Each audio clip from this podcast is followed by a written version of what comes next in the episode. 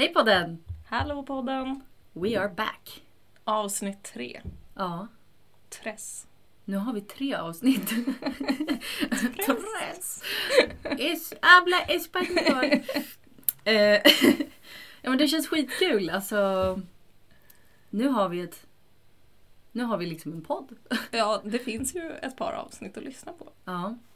Och det verkar ju ändå som att det är en del som lyssnar.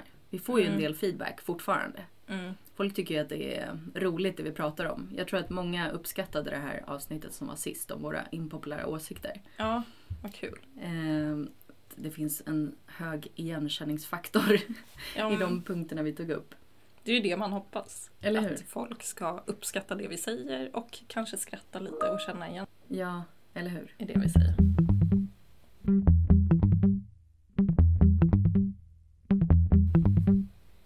Jo men hallå! Ja, Du ska ju uppdatera oss om din renovering. jo. Vilken vecka är, befinner vi oss i? Ja, men vi är väl slutet på vecka fem, tror jag. Hur ser det ut? Jag var inte uppe och titta. Nej, de eh, är väl där och jobbar nu. Eller det var någon här i förmiddag så jag, bara, jag vet inte om han är kvar. Eh, Men eh, det, det ser ju... Det har gått framåt. Okej, vad ser du? Vad är det? Nu är det ju kakel på alla väggar och Mm. nästan hela golvet. Okej.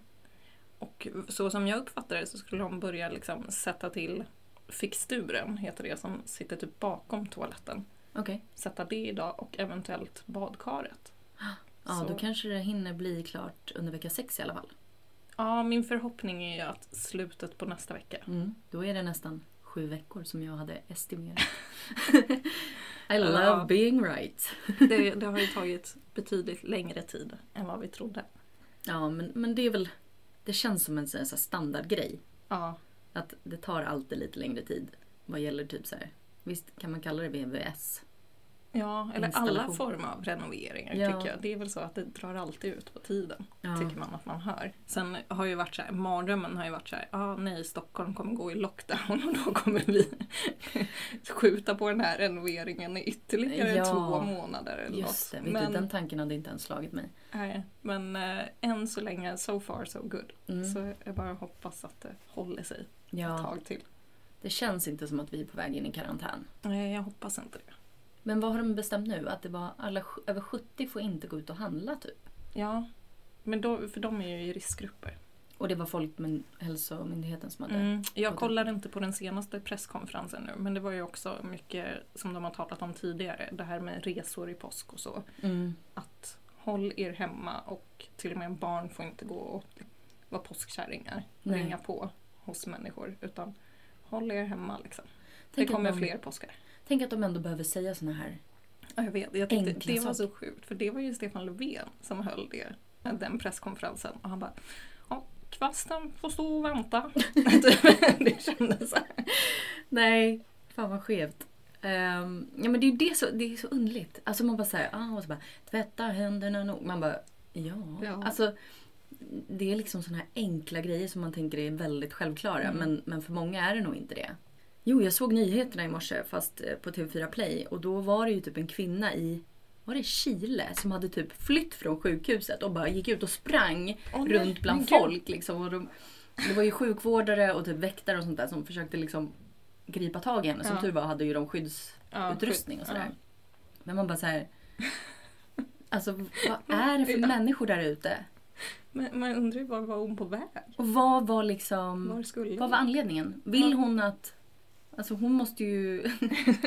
vill hon att... Eller jag, jag undrar vad hon hade liksom för uppsåt Ja, verkligen. bakom det beteendet. Men, men det är som sagt, vi har ju pratat om det. Det finns ju människor till allt och den sista idioten är inte född än, som min mor brukar säga. Ja, så det, det, ja, det är spännande det som händer just nu. Jag förstår att många är oroliga. Jag känner mig fortfarande inte jätteorolig. Och har inte känt några jättesymptom. Alltså det är ju Nej. klart att man blir mer... Man iakttar ju mer och liksom börjar känna efter. Liksom. Det är klart. Det har varit små symptom men det har ändå inte varit någonting... Svårt att kittla i halsen. Ja. Is that you Rona? Rona? Eller hur? Ja, men det känns så här, bara tänkte på det och jag sa det till en kollega häromdagen att eh, det känns så sjukt att man eh, är med om en historisk händelse. Jag vet att det här låter så sjukt i efterhand när jag säger det men jag, jag sa ju så här, åh gud, jag, jag har tänkt så här att jag kommer ju aldrig få vara med om något krig. Nej. Inte för att jag vill vara med om Nej. något krig. Men du vet, för att man lever i ett eh, så pass skyddat land som man gör. Mm. Eh, jag har ju tänkt att men, ingen stor historisk händelse kommer liksom gå till historieböckerna under Mm. min livstid. Nej. Men så Men nu- kom 2020 och Eller hur? coronan. Nu är du med i böckerna vet du. Ja, kanske inte jag personligen, men, Fast jag tänker att andra händelser, alltså andra saker har ju ändå hänt. men jag Ehm, tänker sånt här som man pratar tillbaka på till liksom barnbarnen eller barnbarnsbarnen. Om Ja. man nu lyckas leva så pass länge. Och säger, ja men hur var det under andra världskriget? Ja, mormor. Kommer jag säga, hur var det när coronan härjade? ja. Annars så tänker jag så här, den, de senaste i alla fall tre åren så har det ju ändå skett en liksom feministisk rörelse. Alltså det här Mm. med metoo, mm, samtyckeslagar och sådana grejer. Ja. Där tycker jag att det finns många, eller en del liksom starka kvinnor som har varit rösten för många av oss och liksom fört den här äh, rörelsen framåt, den feministiska rörelsen. Mm. Den tycker jag ändå har... Mm. För jag, jag tänkte på det, jag funderade över det och liksom så här, men det här är ju en typisk sån här grej som man Mm. kunde ha läst om Mm. för länge sedan. Eh, och den, har ju, den sker ju nu Mm. och har börjat redan och är fortfarande igång. Liksom, så att jag förstår vad du menar. Vi är med om historiska Vi är händelser. med om historiska händelser. Eh, det är sant, det har du rätt i. Ja. Mm. Jag hade ju en tanke för någon vecka sedan Mm. eh, som slog mig. Och den löd väl lite vad... Om jag skulle se tillbaka på mina tidiga tonår, vad hade jag sagt till mig själv då? Mm. Hur kom du in på det här med tonår? Jag vet inte om det var något speciellt faktiskt som triggade. Man vet ju aldrig. Det kan ju vara helt, att jag kanske tänkte tillbaka på någonting Mm. utan att jag är riktigt medveten om det nu i efterhand. Mm. Eh, Men det var säkert någonting som fick mig att börja tänka på det. Ja. Jag tyckte det var en liten intressant idé faktiskt. Mm. Ton, tonåren för mig känns ju otroligt långt bort. Ja. Jag jobbar med tonåringar. Mm. Och de kan ju liksom, eller jag har hört en del, några av dem säga liksom att de vill inte bli äldre. Och hur kan man vilja bli äldre och varför vill man inte vara tonåring livet ut? Och jag bara så här, att vara tonåring det var ju, Ja. vill jag påstå, en av mina värsta tider i livet. Mm. Alltså jag bara kunde inte vänta på att äntligen få, inte bli vuxen för fort men liksom på något sätt, jag undrade, är det det här? Ska jag vara här för evigt? Ja. Det kändes som en väldigt lång tid. Och när man är inne i det, då är det ju bara det. Man ser ju inte framåt Nej. heller. Nej, precis. Man tänker ju bara, åh herregud, är det så här livet ska vara? Ja, man har ju ett väldigt, liksom, inte så brett perspektiv i den Nej. åldern. Man, man har ju ingen aning. Man tror att man har det, men man har ju inte det. Och sen alla hormonerna som spökar. Ja. Nej, men det var, det var en tuff tid för mig. Så att jag tyckte ändå det var en intressant grej. Så jag har ju faktiskt också spånat, eller Mm. ja, skrivit ner. då, Själva idén här är ju att vi har skrivit ett brev till oss själva. Som vi då skulle, skulle ha läst Ja, i början av våra tonår. Precis. Mm. Det är alltså, jag Frida skickar ett brev till Frida i tidiga tonår. Mm.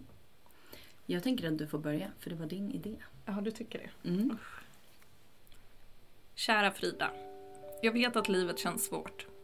Du är bara 13 år och lekte med Barbie bara för ett, två år sedan. Nu ska du vara vuxen. Hela din grund rivs upp. Från din barndom så flyttar du cirka 600 kilometer till en främmande stad. Där du sticker ut med en annorlunda bakgrund, uppväxt och röst. Samtidigt som det är nytt och läskigt så är det här också en chans för en omstart. Även om du inte ser det så, så är det en ny början. Ett liv där du inte döms för din bakgrund. Ett liv där ingen i byn känner till din familj, din sorg och din uppväxt. Ingen vet vad du har gått igenom eller dömer dig på förhand och du kan vara fri. Självklart så inser du inte det då, men det kommer bli så. Jag lovar. Livet är tufft. Och du tror att du behöver vara personer till lags. Du börjar klä dig på ett visst sätt och bete dig på ett visst sätt. Men du behöver inte vara som alla andra och det är okej. Du behöver inte tänka på kärlek, killar och sex. Du har tid. Tid för att växa och utvecklas. Och lära känna dig själv. Vad du tycker om och vad du vill ha. Och inte vad du projicerar att andra vill att du ska vara. Våga vara dig själv. Du behöver inte umgås med vänner som trycker ner dig i smyg. Du behöver inte dricka alkohol eller smygröka i skogen för att passa in. Och betygen kommer bli bra. Du behöver inte alls bli vad du tror att du ska bli. Och det kommer bli bra. Det blir jättebra. Du behöver inte ha hela din framtid utstakad framför dig. Det blir bra ändå. Kära Frida. Lek mer med Barbies. Var ett barn och framförallt våga vara du. Och ring din syster. Come on. Ja, jag förstår vad du menar.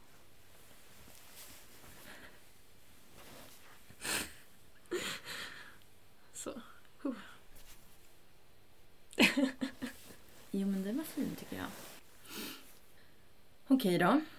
I mitt brev som jag hade velat skriva till mig i början av mina tonår eh, så står det då... Eller ja, egentligen så hade jag ju typ behövt skriva ett sånt här brev till mig nu och bara peppa mig själv. Jag befinner mig i en lite knepig situation just nu.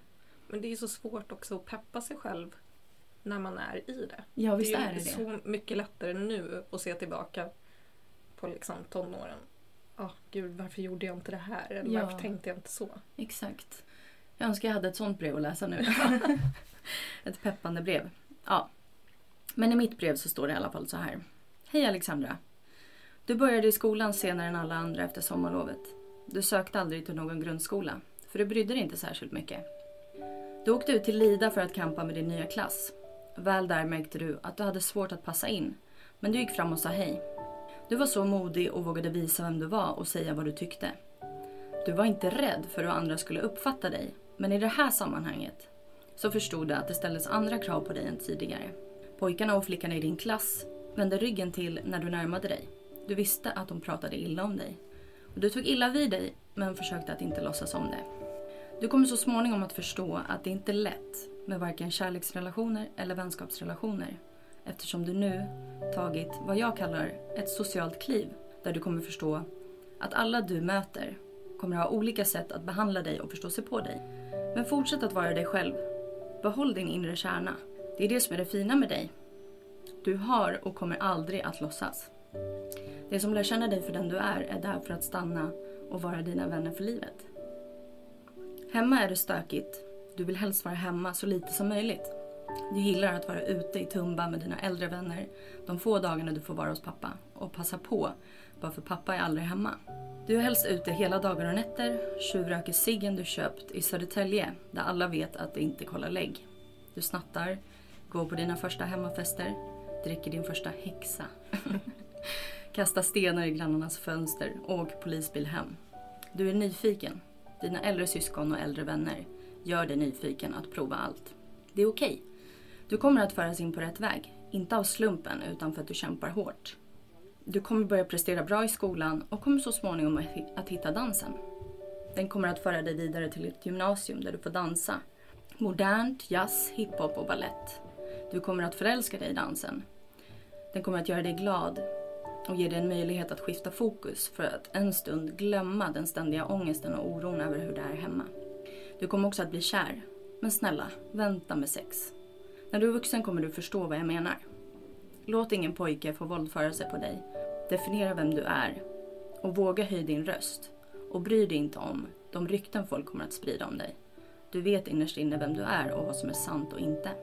De dagarna du inte är ute med dina vänner isolerar du dig på rummet. Du känner stor ångest och oro och stress över att vara hemma. Du tar mycket ansvar för saker som står utanför din kontroll. För att släppa taget för en stund sätter du på dig hörlurarna och lyssnar på musik på högsta volym.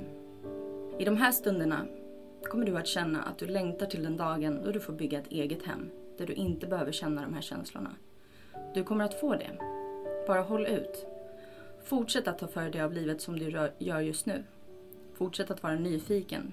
För dina rädslor kommer till slut inte att begränsa dig i ditt framtida liv.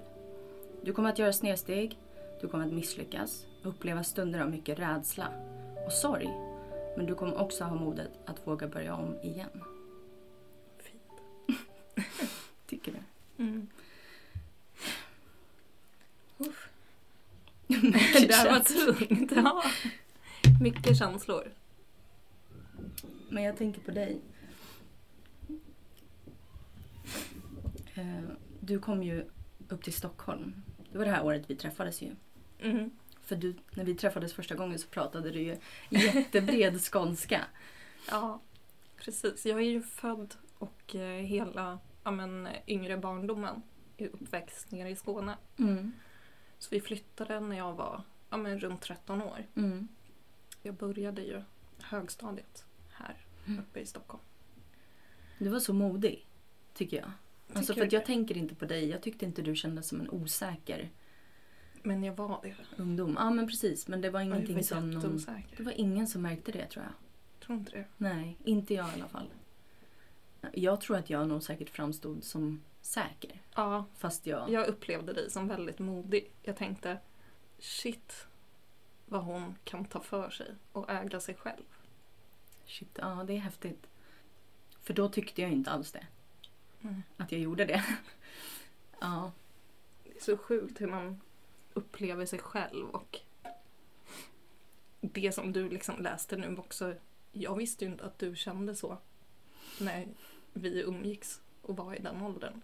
Nej, det är ju det här ansvaret. Som jag tror många unga tar. Mm. Ehm. som, som, som de inte behöver. Och liksom, då känner jag, alltså jag känner mig så ensam. Och jag var så sorgsen och ledsen liksom.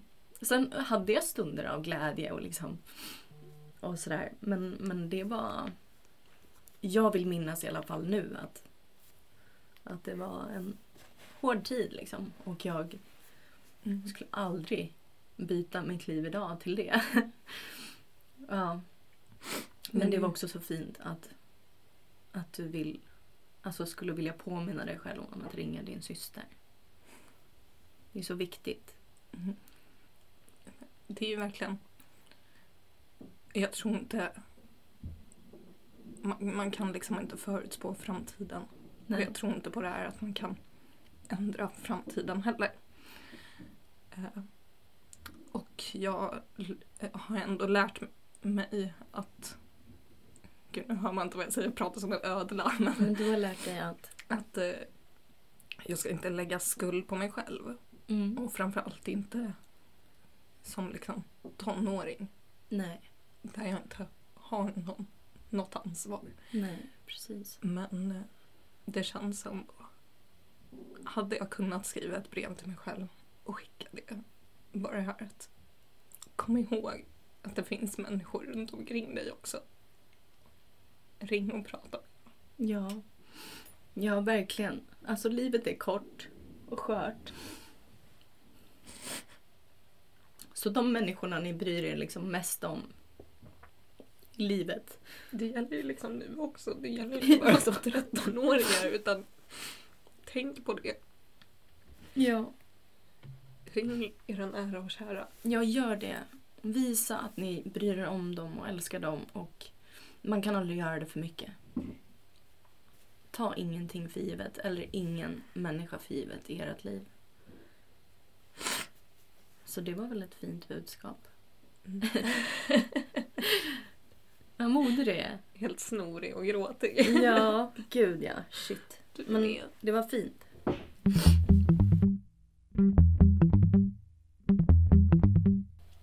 Du eh, tittade på Netflix. Ja, liksom många andra nu för tiden så fastnar man ju där. Och du vet, det utbudet, jag tycker det börjar bli riktigt tröttsamt. Så att, och jag hade hört mycket om det här Man har ju sett så mycket också. Ja, man har ju det. Och sen har jag ju då hört om det här Love is blind och Mm. sett många memes på Instagram och Mm. liksom ändå känt att så här, fan jag förstår inte vad de menar. Pratade inte jag om det för några veckor sedan? Jag sa Jag tror jag sa så här. Du måste kolla på Love is blind. Jag Ja. behövde ventilera med någon. Jag hade ju ingen att prata med. Nej. Eh, så att jag gjorde det och ja, det var... Det var en upplevelse. Ja, för det är ju då... Själva konceptet, det är en form av realityserie. Mm. I, jag vet inte hur många avsnitt. Kan det vara? Nej, det vet jag inte. Jag Tio avsnitt eller något liknande.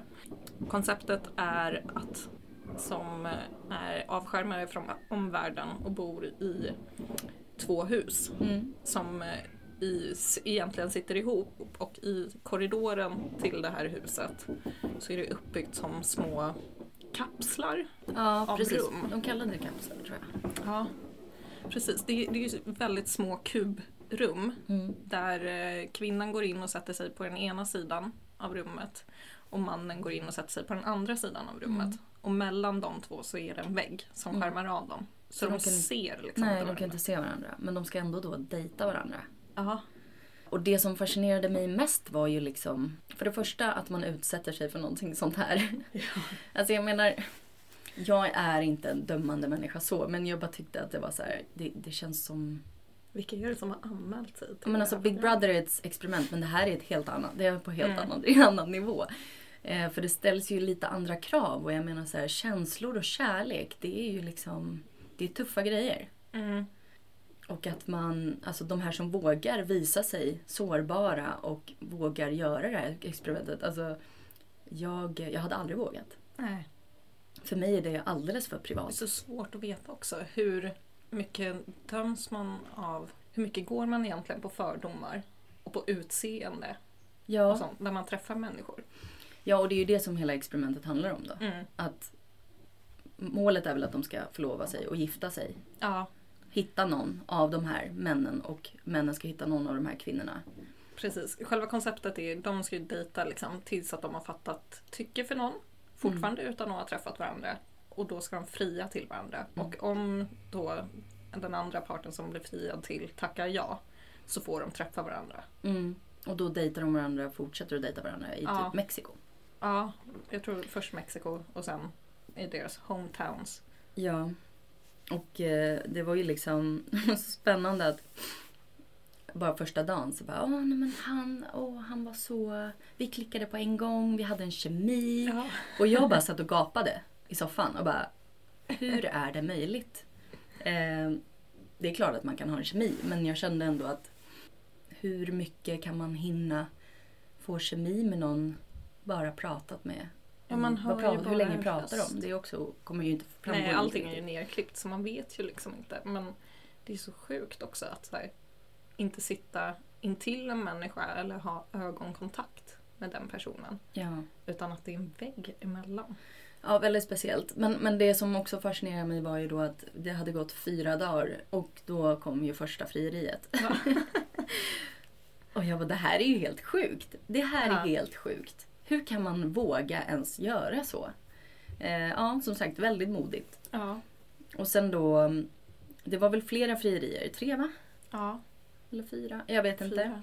Men sen då träffas de ju till slut och ser varandra. Och då är det ju också som att de bara såhär, ah, du vet, de är ju Mm. superlyckliga och glada att se varandra och verkar ju ändå fatta tycke för varandra rent Mm. utseendemässigt. Sen ska man ändå säga, de har ju ändå castat personer som, Som ser bra ut. ser bra ut. Ja. Det, det är ju ingen som de har castat som liksom Quasimodo. nej, nej, så är det ju.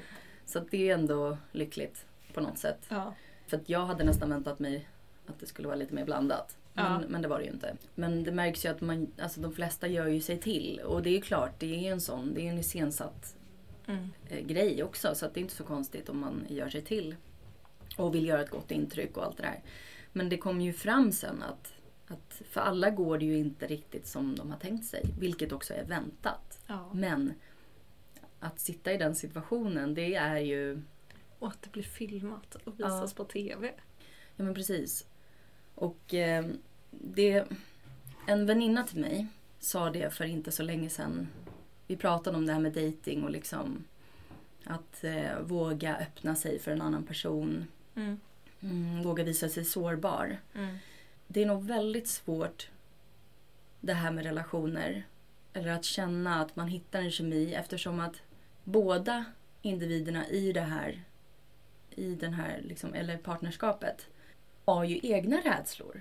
Mm. Bägge, den ena kanske är väldigt osäker liksom, och den andra har också vissa osäkerheter. Vi kan ju inte veta exakt det, vilka osäker de är, osäkerheter det är utan det är sånt där som visar sig allt eftersom. Men det på något sätt också gör det ju tydligt för oss att förstå att eh, det ska mycket till Mm.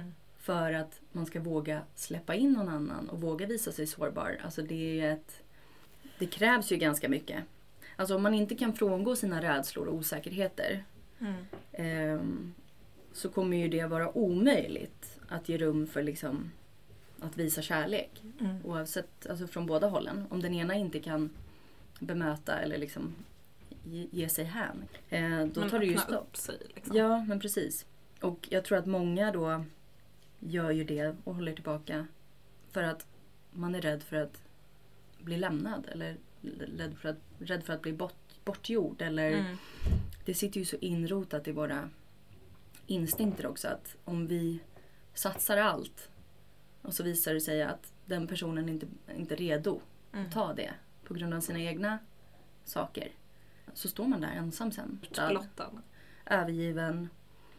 Oavsett egentligen om det är kärleksrelationer, familjerelationer eller vänskapsrelationer så är ju relationer, Det är ett högt spel det är ett högt spel. med mycket insats. Mm. Det låter som en klyscha. Så här. Men det är verkligen det. Men hjärtat är insats. Men Verkligen det är ju det. Ja, man, det kräver väldigt mycket mod. Mm. Så ja, det är ett speciellt eh, experiment. Jag har ju inte sett alla avsnitt, det har ju du gjort. Jag tror Ja. inte att jag kommer fortsätta titta. Nej, men det var lite tankar som du fick av Ja, men det fick jag. Men är ni lite uttråkade så är det ju ett tips. Ja, men det är ett, ett tips nu när man Love is blind på Netflix. De flesta sitter hemma och inte riktigt vet vad de ska titta på. Eh, Har du sett Tiger King? Ja, jag såg inte hela. Jag tyckte den var, jag tyckte det var hemskt. Ja, jag. Alltså, och så. sorgligt. Och eh, jag har aldrig sett den här människan innan. Nej, inte jag heller. Det verkade som att det var så här en person som vi skulle veta vem det var. Ja, och jag tror egentligen inte det heller i USA. Det är väl i så fall i liksom South Carolina, i den delstaten. Skulle jag kunna tänka mig att Mm. det är kanske där personen är igenkänd. Ja, Någon slags lokal kändis. Men men det kändes ju fruktansvärt att, att eh, den här, de här djuren sitter fast där liksom. mm. Och, och sen så var det ju också den här kvinnan som påstod sig att hon skulle hjälpa de djuren därifrån. Hon hade ju ett likadant Ja. ställe. Det förstod jag inte skillnaden vid. Alltså, Nej, en annan sak skulle ju vara om man tog de djuren, liksom, flyttade dem till sitt ursprungsland, Ja, byggde ut en lite större inhägnad. Liksom. inhägnad där För de man faktiskt... förstår ändå att ett djur som har fötts och levt väldigt länge, i princip hela sitt liv i, i fångenskap, har ju förlorat sina naturliga instinkter och kan rent rättvist inte släppas ut i det vilda Nej. helt totalt Och klara sig. Liksom. och klara sig. Men den bör ändå få den rättigheten att kunna leva i princip som den hade gjort i det fria. Ja, exakt. Så att jag tänkte om man hade flyttat dem till ett större reservat där de faktiskt får på något sätt försöka anpassa sig Mm. till det, det klimatet. Det hade jag förstått. Och för att sen liksom se vart man Ja. eventuellt kunde föra dem vid. Det hade jag sett som en räddning. Liksom, men Mm. men det, jag tyckte det var så skevt och sorgligt så att jag klarade inte av att titta på det längre. Nej. Men såg du hela eller? Nej, jag har inte sett klart allt än. Det är mycket twist and turns. Ja, det är så. Ja, och det är mycket så här stories. Har du hört det där om hennes man? Hennes Nej. exman? Nej, okej. Vadå exmannen till hon Carol. Ja, som hade det här rescue? ja, han som försvann. Nej, det har du inte hört. Nej, Nej, okej. vadå då? Vad var det? Nej, men hon var ju gift med en man som hade väldigt, väldigt mycket pengar. Var god för väldigt många miljoner. Och eh, det var ju tillsammans med honom som hon startade upp det här Rescue-centret för kattdjuren. Mm. Och sen så har man ju filmat olika personer som har varit nära de båda. Mm. Och eh, helt plötsligt en dag efter att det man har börjat fått reda, eller vänner och familj har börjat få reda att ja, men det knakar lite i det här äktenskapet. Det Ja. kommer troligtvis inte hålla. Liksom. Han vill skilja sig. Helt plötsligt så är han försvunnen. Ja. en dag. Och då börjar det liksom gå rykten om att, Hon har matat honom till katterna. att hon har matat honom till katterna. Oh shit. Ja, så det är mycket så olika stories i det här. Mhm.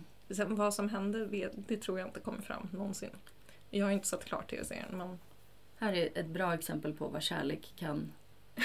Alltså vad människor kan orsakas av kärlek.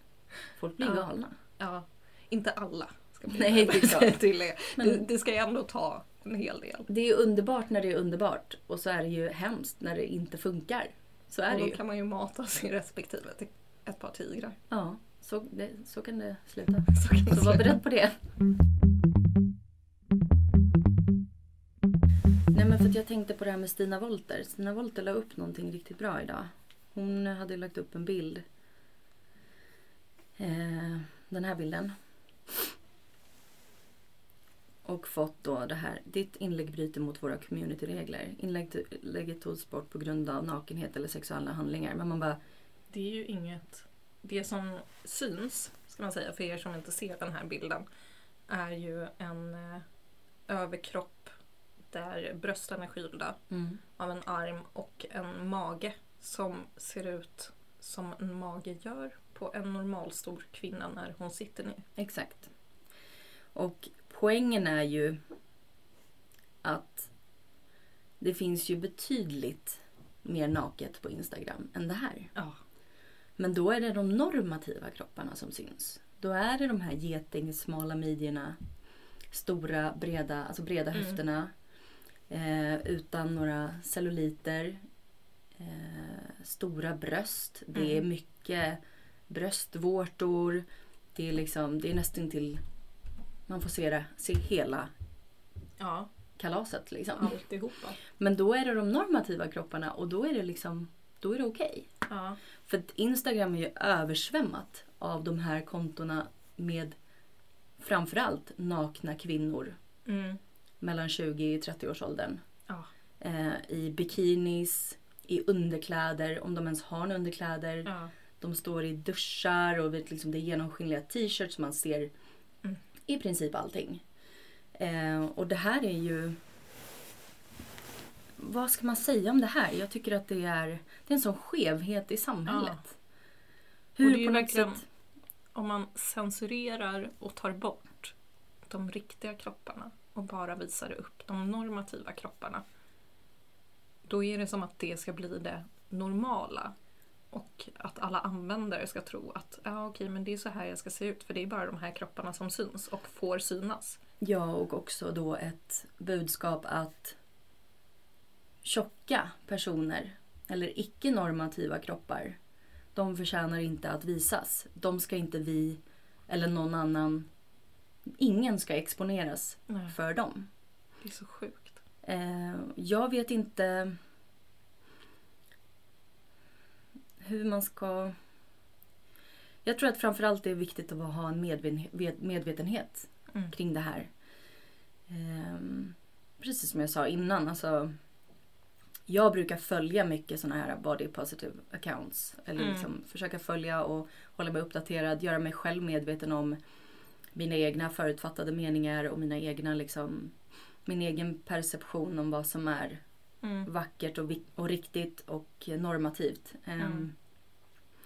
Och vill inte vara ett led i att försöka upprätthålla den här på något sätt um, utseendefixeringen som är en orsak av en patriarkal struktur. Mm. Ehm, jag tycker att vi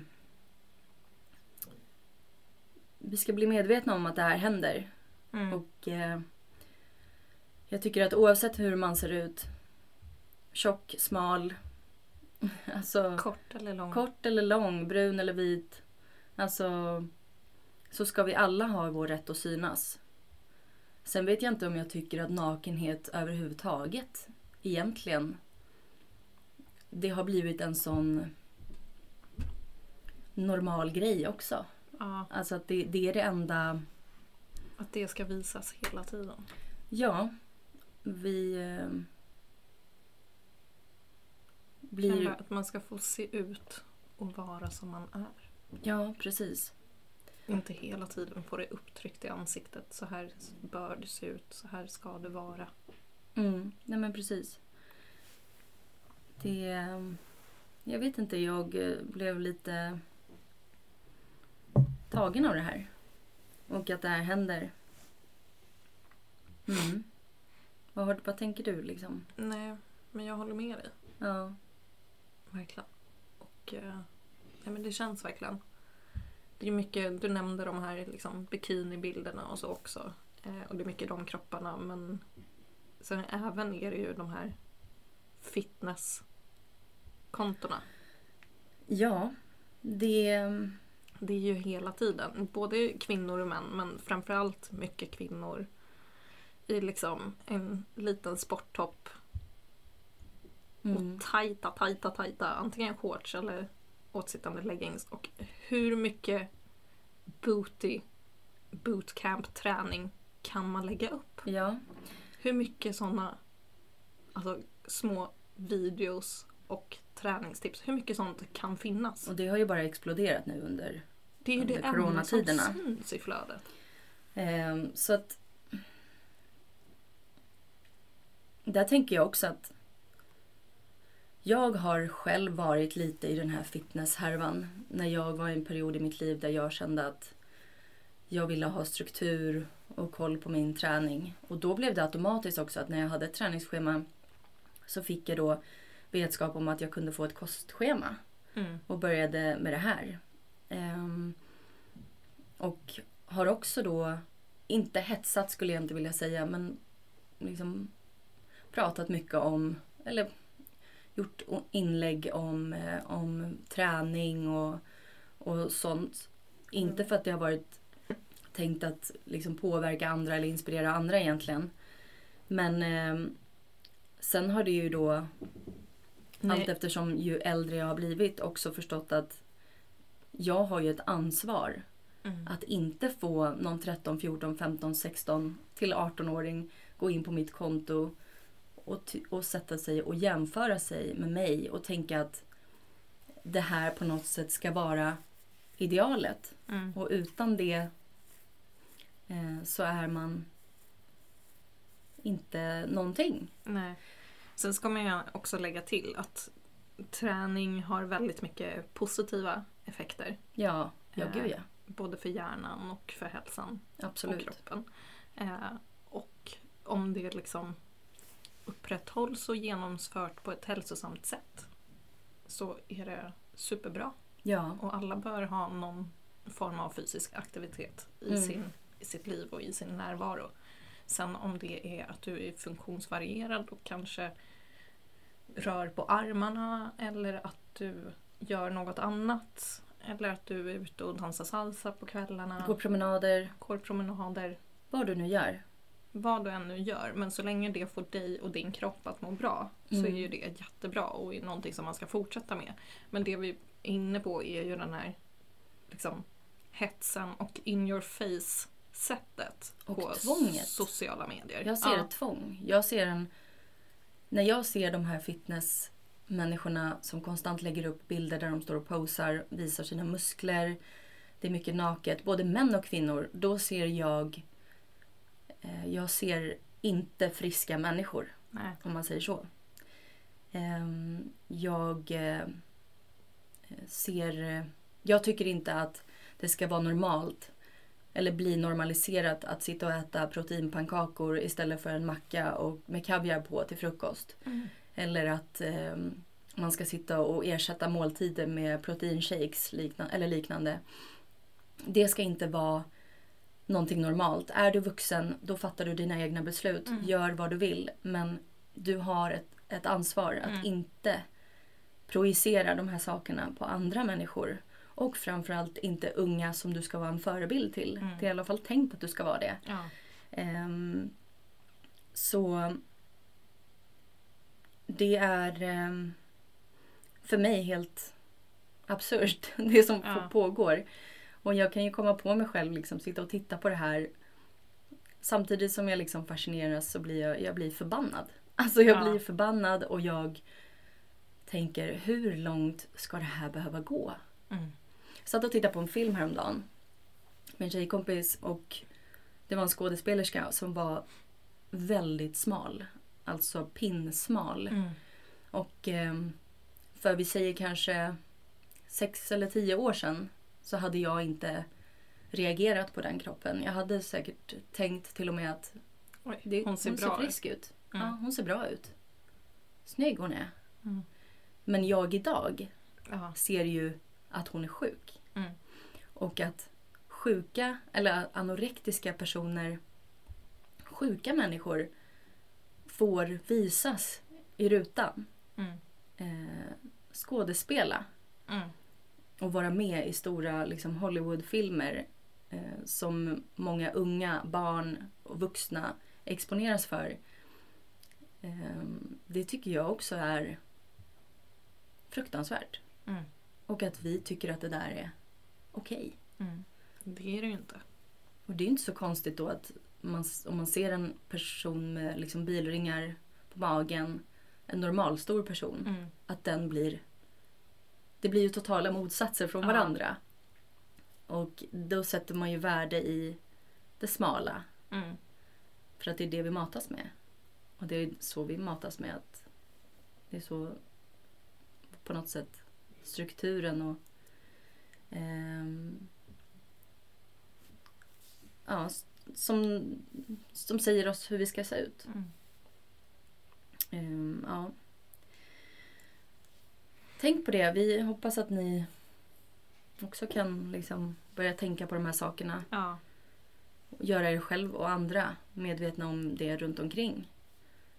Jag tycker i alla fall inte att det ska vara normaliserat. Nej, verkligen inte. Och tänk på dels vad du vill eh, utsätta dig själv för och vad du vill utsätta andra för. Andra, ja precis. Att du, du har ju också ett ansvar i det här. Mm. Såväl som mottagare som... Jag vet inte vad det heter. Den som ger. Mm. Så har ju du ett ansvar också. Ja. Verkligen. Så det tål att tänkas på. Återigen, det här med sociala medier. Och vi sa ju att vi skulle återkomma till det. ja, så det, Så det är där vi är nu.